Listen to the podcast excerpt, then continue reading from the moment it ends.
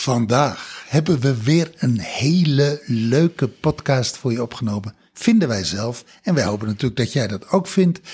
Die gaat over bijvoorbeeld paspoorten aanvragen bij de Nederlandse ambassade. Nou, hoe dat allemaal zit en wat dat te maken heeft met innerlijke onveiligheid en vrijheid. Luister maar.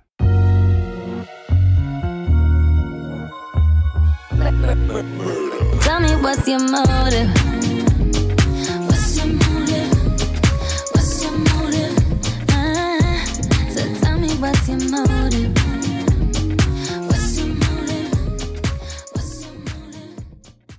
Ik wil je meenemen naar een zwart-wit film. Die speelt eind jaren 50 in Frankrijk. Het is een scène uit mijn herinnering, dus ik weet helemaal niet hoe de film heet. en Ik weet ook helemaal niet meer de hoofdrolspelers. Ik zie alleen de pater voor me. Er is een dorpje en dat dorpje, daar moet een wonder geschieden. Daar moet, eh, nou laten we zeggen, er, moet- er moet een bedrag komen aan geld om de kerk te redden. Zoiets. De kerk is half ingestort, die kerk moet eh, herbouwd worden. En die pater die gaat aan het bidden. Vol overtuiging, vol overgave, bidt hij voor het wonder. En uiteindelijk ter elfter uren, op het moment dat iedereen in het dorp denkt van nou, God heeft ons in de steek gelaten, dat gaat niet meer gebeuren, gebeurt er iets waardoor er het geldbedrag komt wat nodig is om die kerk te herbouwen.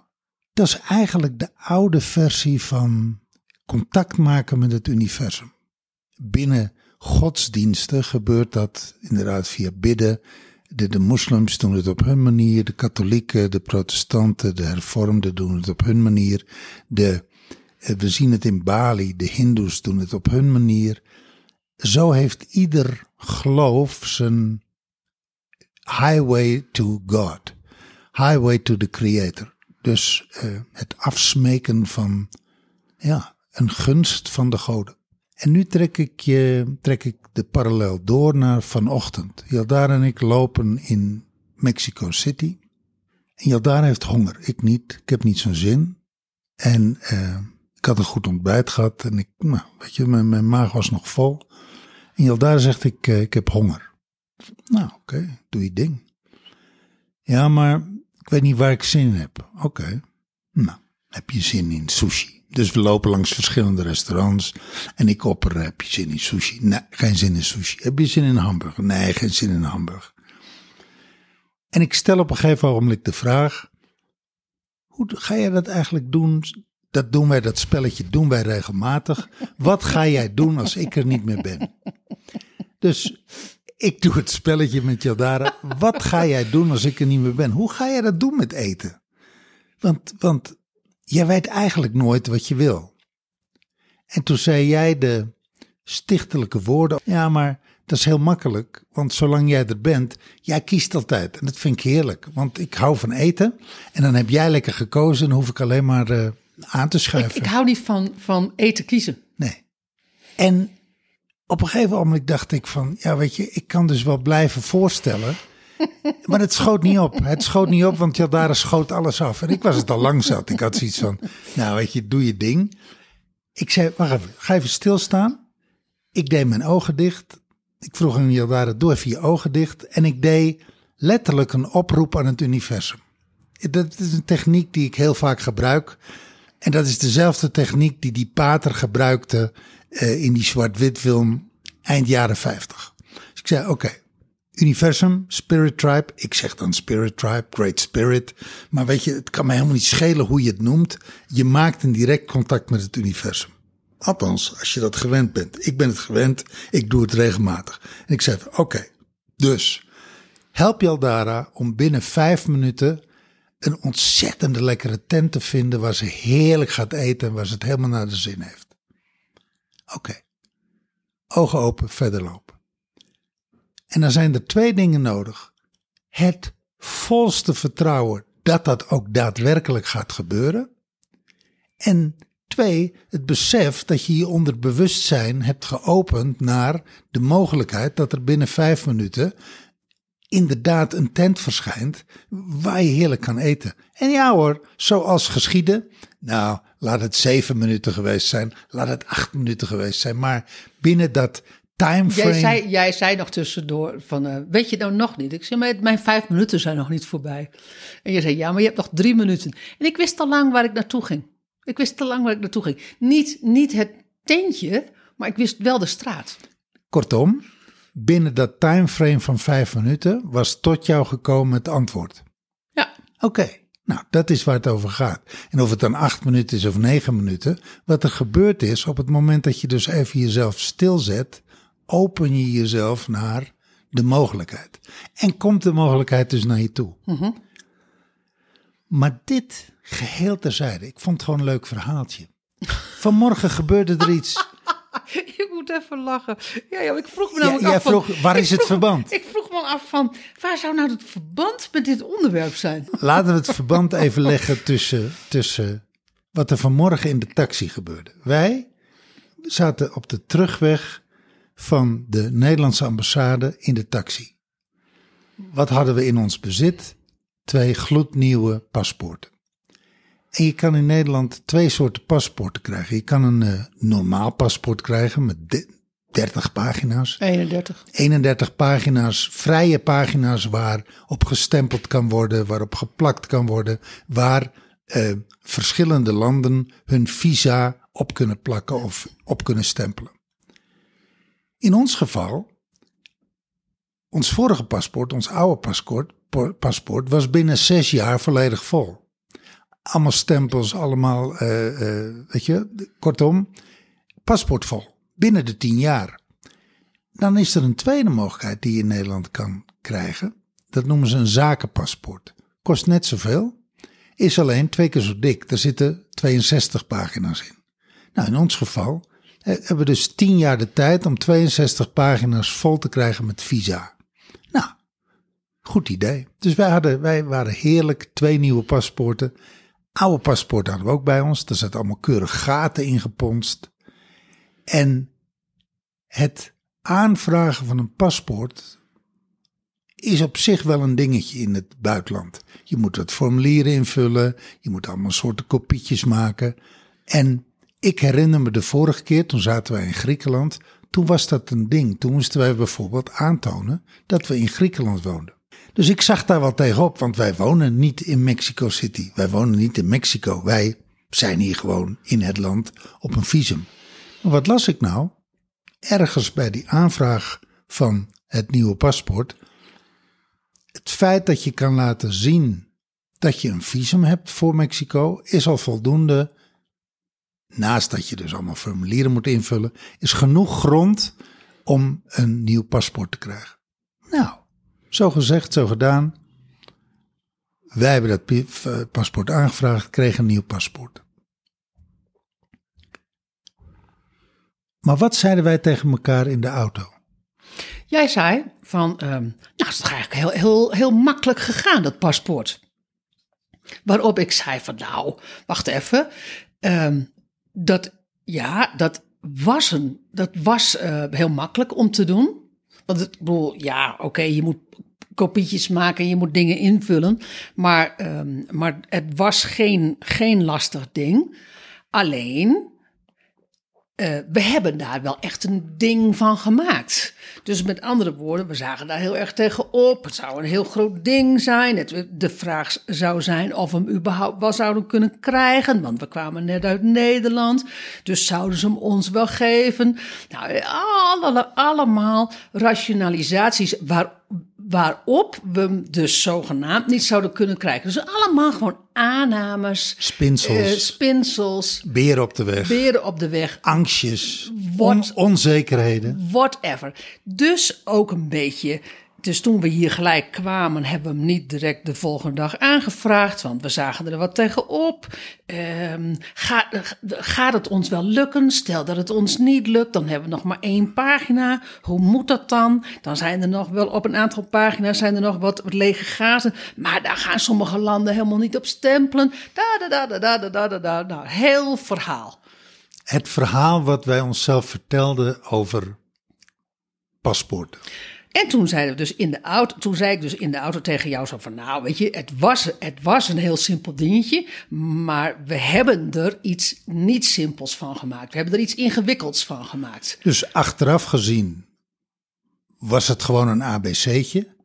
En van tevoren in ons hoofd was het een ABCD tot en met Z. Dat was een enorm ding. En toen maakte ik de, toen maakte ik vervolgens de vergelijking met Bali. De allereerste keer dat wij in Bali wonen, vijf jaar geleden.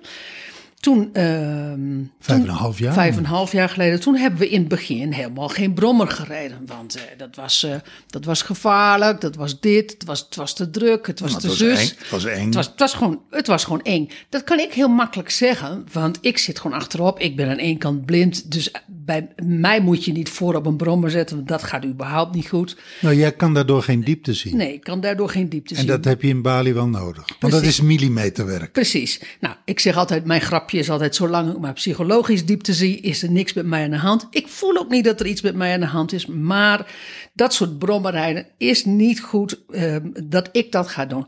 Dus, en jij zei van, nou weet je, ik zie er tegenop, ik durf het niet. Nou, dus dan, dus op een gegeven moment pakten we wel de brommer, eh, want het was niet anders, gewoon, anders hadden we gewoon überhaupt geen leven. Maar toen gingen we, bij wijze van spreken, het rondje om de kerk doen. Nou hebben ze in Bali geen kerk, maar in ieder geval heel dicht, heel dicht bij huis. Ook in Bali hebben ze. Ja, ja, nee, precies. Ook op Bali hebben ze een paar kerken. Maar niet, niet, maar goed, het soort, niet het soort kerken zoals wij dat kennen. Maar goed, je begrijpt hem wel heel dicht bij huis.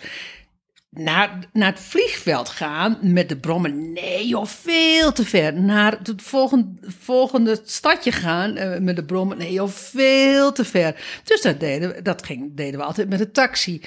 Totdat wij een paar jaar later voor de tweede keer op Bali kwamen. En we ineens naar dat volgende stadje gingen met de brommer. En ineens naar het vliegveld gingen met de brommer. En dat wij dus achteraf zeiden van, nou, waar hebben we al die tijd zo moeilijk over gedaan?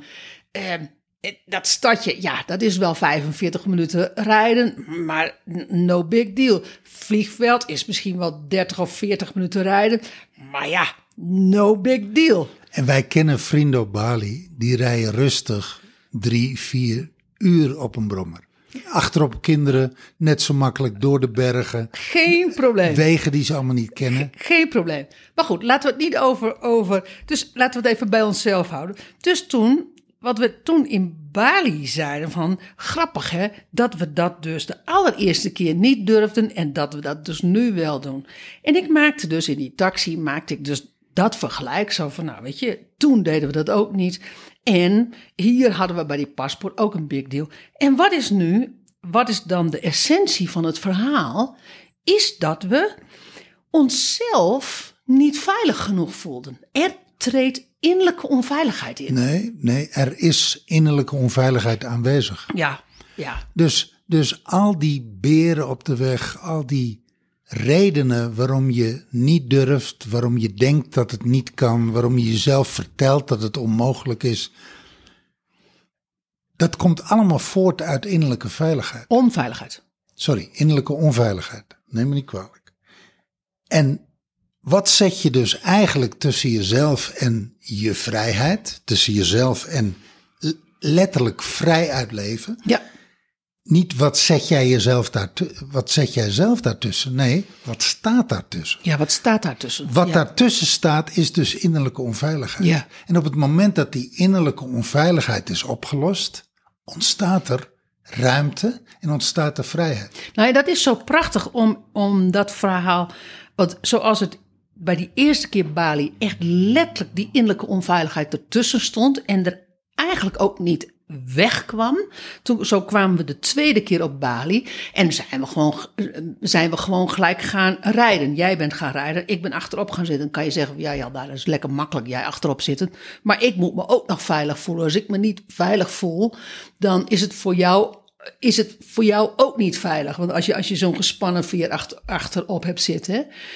Dus we hebben, Ja, dat heeft altijd invloed. precies, en, en wij merkten eigenlijk onbedoeld, want wij, wij deden dat ineens. En, en toen ineens kwam dus het besef van, oh shit, wij voelen onszelf veel, veel meer veilig, veel meer innerlijk veilig.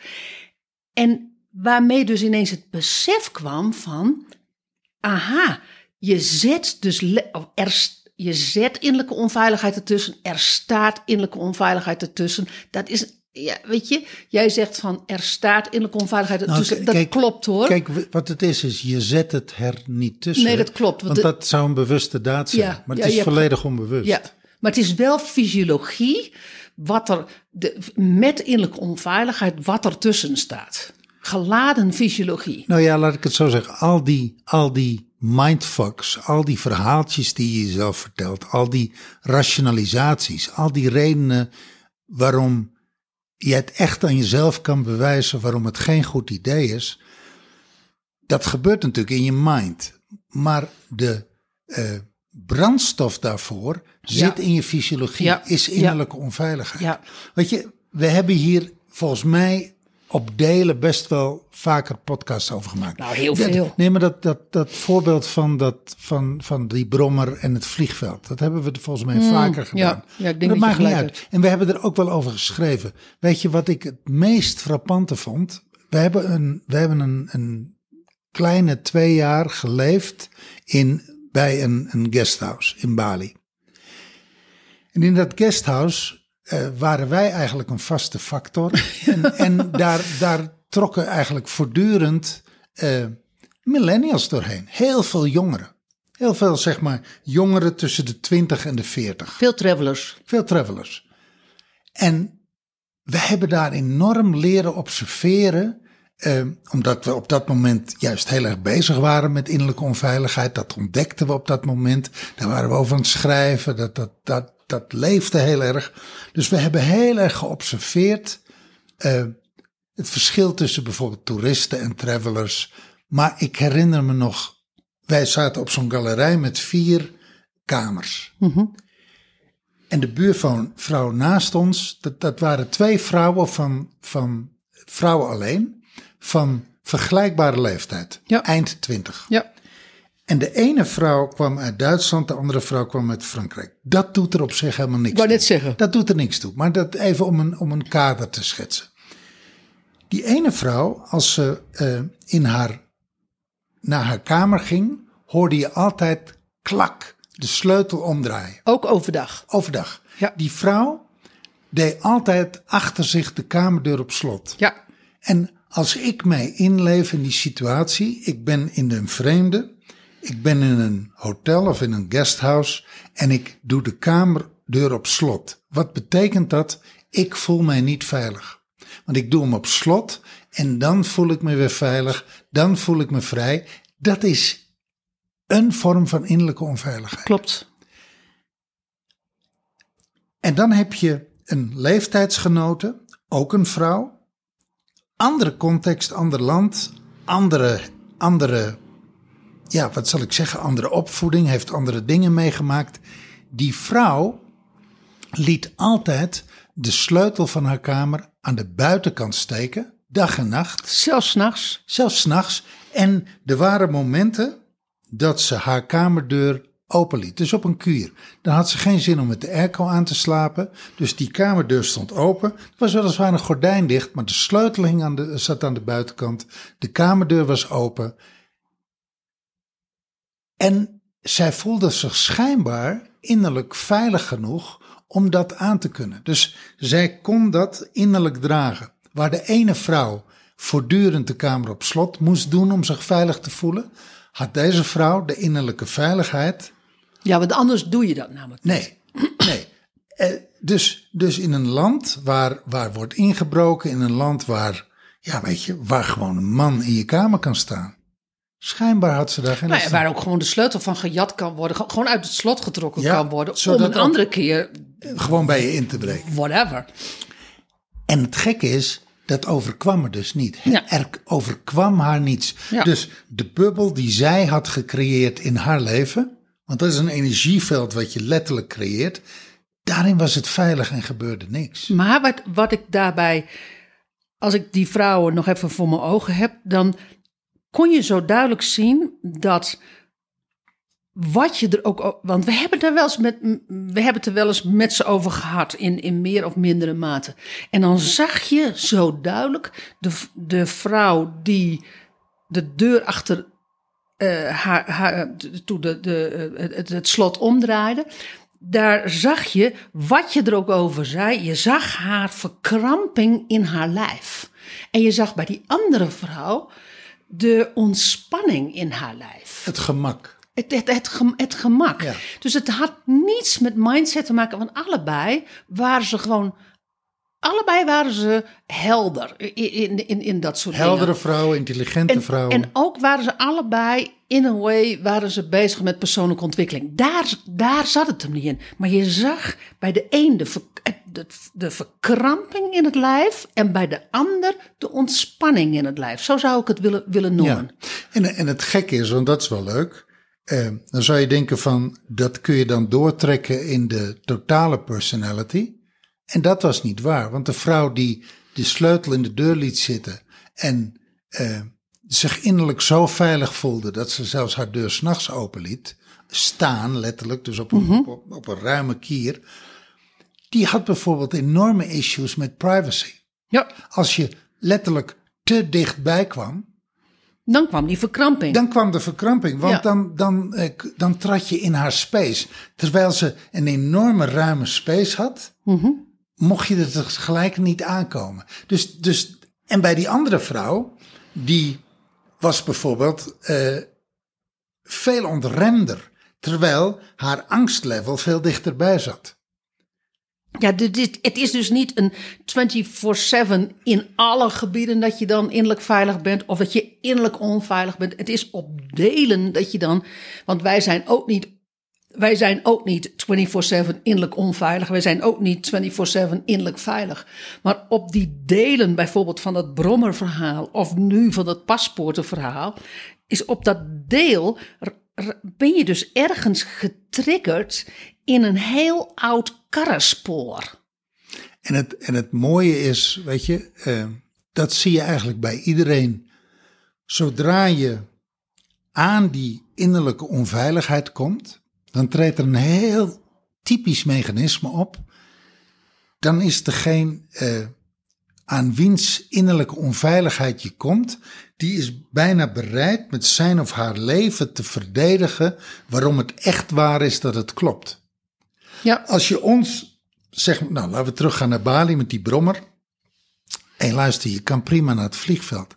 Ja, dat is mooi. we zien toch die vrienden die dat doen? Ja. En had je ons gezegd van, wat is jullie probleem? Ga gewoon naar het vliegveld. Nee, dat is gevaarlijk. En bovendien, Dat hadden wij, dat hadden wij op dat moment, hadden wij de rationalisatie waarom dat op dat moment onveilig was.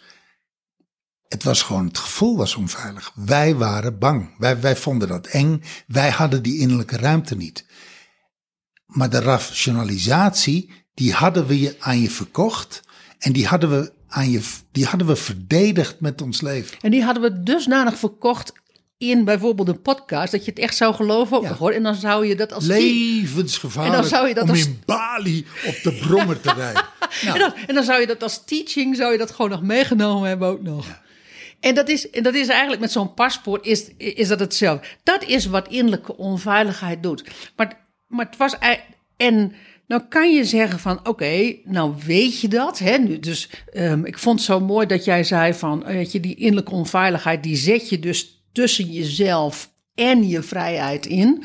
En in, in, in, in de auto ehm appte ik even dat, dat even bij ons op de mail. Zo van, dan, dan is dat even een mooi onderwerp voor de podcast.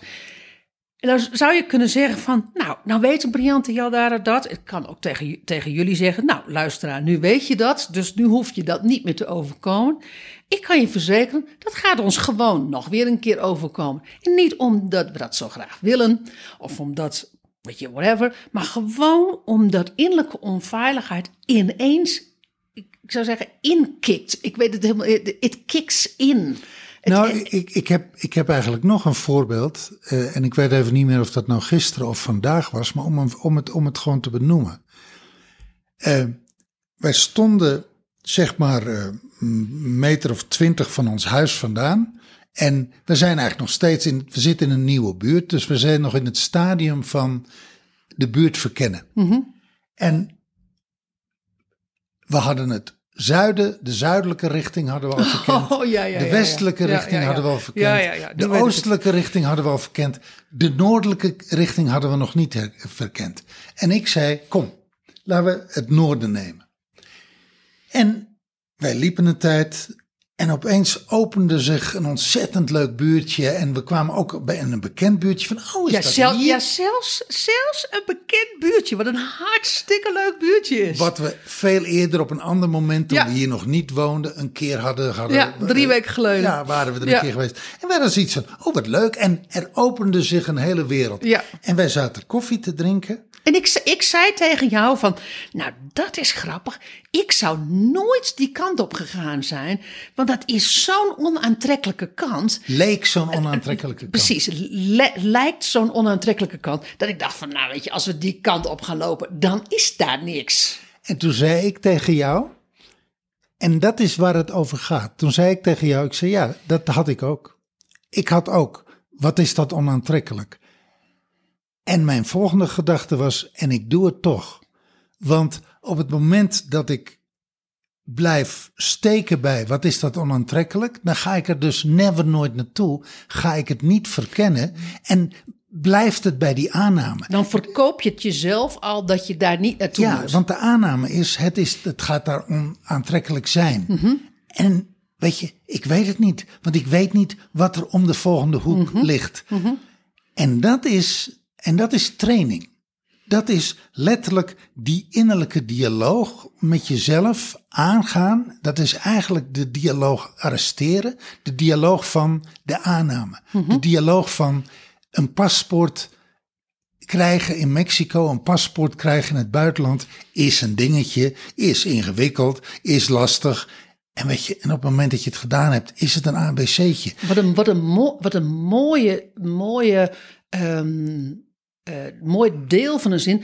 De dialoog van de aanname. Ja, Mo- mo- mooie, mooie zin. en, en diezelfde dialoog van, ja, als ik die kant op ga, is het saai. Want inderdaad, letterlijk, je, ik kijk die kant op en dat, ik zal dan exact hetzelfde gezien hebben als jij, want jij had het ook. Super onaantrekkelijk. Het zag eruit als, laten we zeggen, een beetje snelwegachtig. Eh, ik zag geen winkeltjes, ik zag geen barretjes, ik zag geen, nou, ik zag niks. Niks, geen coziness, niks. Dus, dus, dus, dus, nee, nee, laat maar niet doen.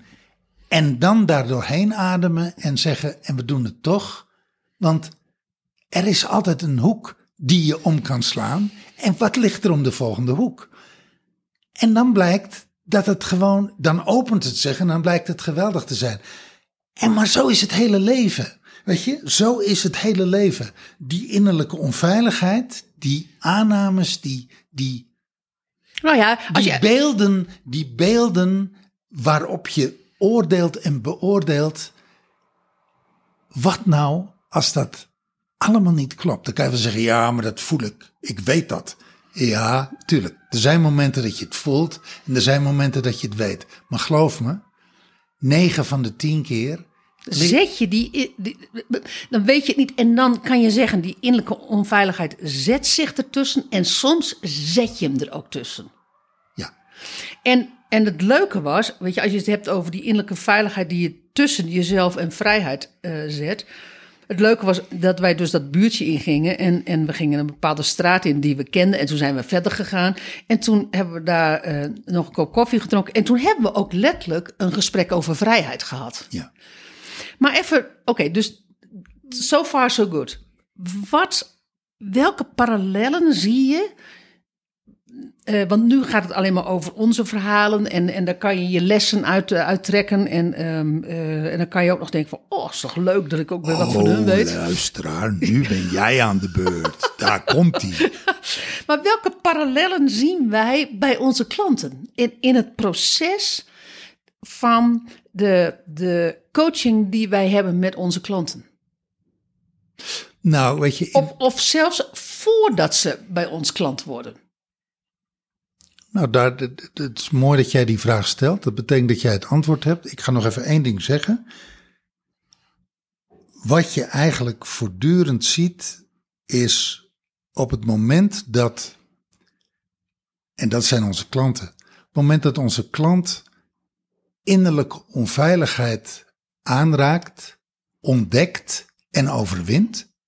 En het, dat, de technieken die wij gebruiken, die helpen de klant daarbij om überhaupt het fenomeen innerlijke onveiligheid dus te, te ervaren, te voelen. Te Oh, verkennen. nou ja, eerst te voelen. Ja. Want daar begint het. Zo van, ja. eh, want waar wij achter komen is dat.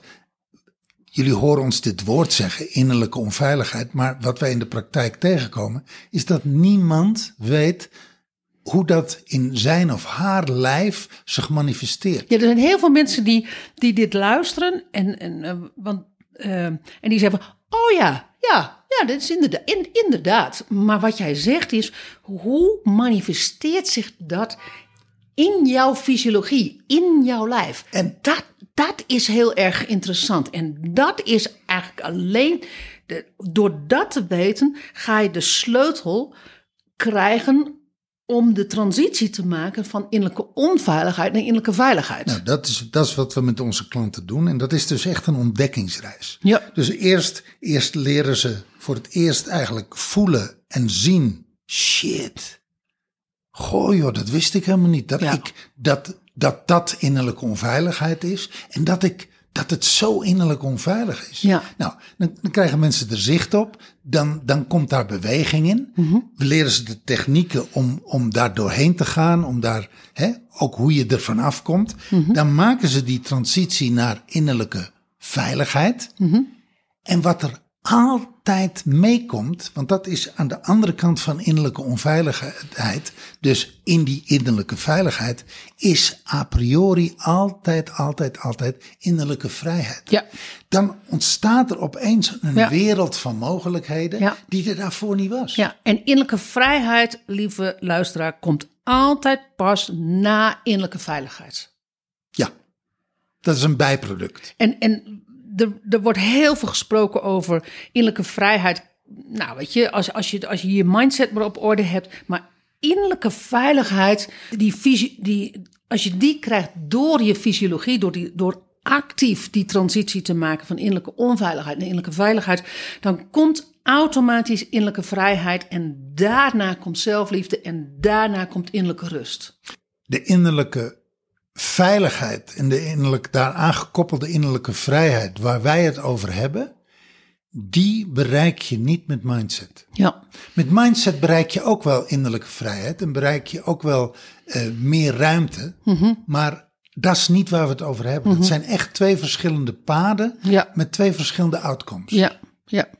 Ik, ik stelde jou de vraag van wat zien wij bij onze klanten? Ik denk dat wij met name aan de voorkant zien, voordat mensen klant bij ons worden, dat, ehm, dat, dat innerlijke onveiligheid ertussen staat tussen het, ver, tussen het verlangen, dus tussen jij en jouw verlangen en vrijheid. Ja. En, en die innerlijke onveiligheid, die manifesteert zich soms eh, dan heel vaak ehm, door te zeggen van, nou, ik ben er nu niet aan toe. Ehm, het is te duur. Het is eh, niet het moment. Ik kan niet op die dag. Ik kan, ik. ehm, Het duurt me te lang. eh, ik heb het ook heel druk in mijn bedrijf. En dan komt dit proces er ook nog een keer bij. Het duurt me inderdaad te lang. Ehm, dus allerlei rationalisaties waardoor, waardoor je dus niet langs de obstakel van innerlijke onveiligheid komt. En waardoor jij met jouw verlangen blijft zitten en waardoor je en die, die, ik zou bijna zeggen, die bult van innerlijke onveiligheid is te hoog, waardoor je er niet overheen kan kijken en waardoor je niet die vrijheid ziet. Want de mensen die met ons aan de slag gaan, die zijn zich echt wel bewust dat zij zich, in, dat zij zich innerlijk onveilig voelen. Die zijn zich wel bewust dat het niet een piece of cake is. Eh, als ze met ons aan de slag gaan. Die weten dat ze naar de onderstroom van hun proces moeten en dat, ze, en dat daar die innerlijke onveiligheid ehm, eh, manifesteert. Ze weten heel vaak niet hoe zich, hoe zich dat manifesteert, maar als we het daarover hebben met ze, dan voelen ze wel dat dat klopt. Alleen die. ehm, die, daar staat op de een of andere manier die innerlijke onveiligheid niet als een hoge, hoge berg tussen, tussen hu- hunzelf en hun verlangen en de vrijheid die lonkt. Dat lonkend perspectief. Ik denk ook dat, half, dat klanten waarbij je die halverwege een coachingstraject in de weerstand schieten, in, ehm, in, nou ja, in, een, ja, in de weerstand schieten, in een bepaald mindproces schieten, zoals ik heb het te druk, het past mij nu niet, dat die ook dat die ook letterlijk, waarvan, daar is ook letterlijk die bult van innerlijke onveiligheid te, te groot.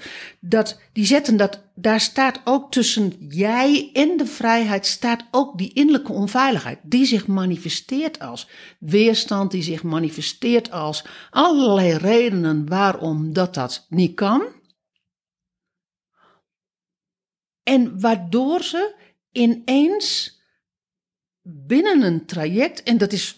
We, komen het gelukkig heel weinig tegen, omdat we weerstand altijd benoemen als innerlijke onveiligheid. En, en al die rationalisaties benoemen we als innerlijke onveiligheid, omdat we dat zien. Maar ik weet wel van vroeger in, in de coachingstrajecten dat dat als weerstand werd gezien en, en als, als grote redenen waarom dat je niet naar die vrijheid kon. Ehm, maar dan wordt het dus letterlijk die geladen fysiologie van die innerlijke onveiligheid staat er dus ineens tussen. Tussen jou en het lonkend perspectief van die vrijheid. Van die innerlijke vrijheid. Als ik dat zo zeg, wat resoneert er dan bij jou? Ja, dat klopt. Oké, ja. klopt. Zie je nog een reden waarin, waarin je zegt van daar zie ik ook dat bij klanten de innerlijke onveiligheid er ineens tussen staat? Nee, volgens mij heb je de, de hoofdthema's wel aangeraakt. Volgens mij is alles gezegd. Nou, dat is dus heel interessant voor jou als luisteraar. Als je zegt van, ik hoor zo vaak die podcast van Briant en Jaldara. En, en ik, want wij komen dat heel vaak tegen, dat, dat ehm, vandaag was er ook weer iemand die zei, ik luister elke dag naar, naar een podcast van jullie. Dat doe je om een reden. Dat doe je omdat je, ehm, omdat je daarvan wil leren, maar ook omdat dat, dat lonkend perspectief van die innerlijke vrijheid, die, die, die lokt. En dan is het interessant om te zien wat, wat zet jij ertussen of staat jouw innerlijke onveiligheid ertussen? Tussen jou en dat lonkend perspectief van vrijheid, waardoor jij jezelf kan verkopen dat je geen vrijheidsgesprek met ons boekt. Dat je niet met ons in contact gaat en je zegt van, hey Briante Jaldara, ik luister elke dag of ik luister zoveel keer per week en het, het trekt iedere keer, het resoneert en tegelijkertijd doe ik niks. Onderzoek eens bij jezelf wat de reden is waarom je geen vrijheidsgesprek, dat is eigenlijk wat je zegt, Ja. waarom je Ja. geen vrijheidsgesprek met ons aanvraagt. En dan hebben we het over de mensen die dus regelmatig luisteren en voor wie er echt iets opent. Die eigenlijk zeggen van, ja, dit klopt. Ja, bij mij is dat ook zo. Ja, dit, dit is hoe ik het ook heb. En de reden dat je niet de volgende stap zet, onderzoek eens naar aanleiding van deze podcast bij jezelf. In hoeverre heeft dat te maken met je, met de innerlijke onveiligheid die je daartussen zet? Waardoor er een reden is die jij aan jezelf verkoopt, waardoor je niet de volgende stap hoeft te zetten. Ja. Nou, ehm, volgens mij is, ehm, eh, is alles wel gezegd. En is zeker, denk ik wel, de uit, staat wel de uitnodiging om te onderzoeken.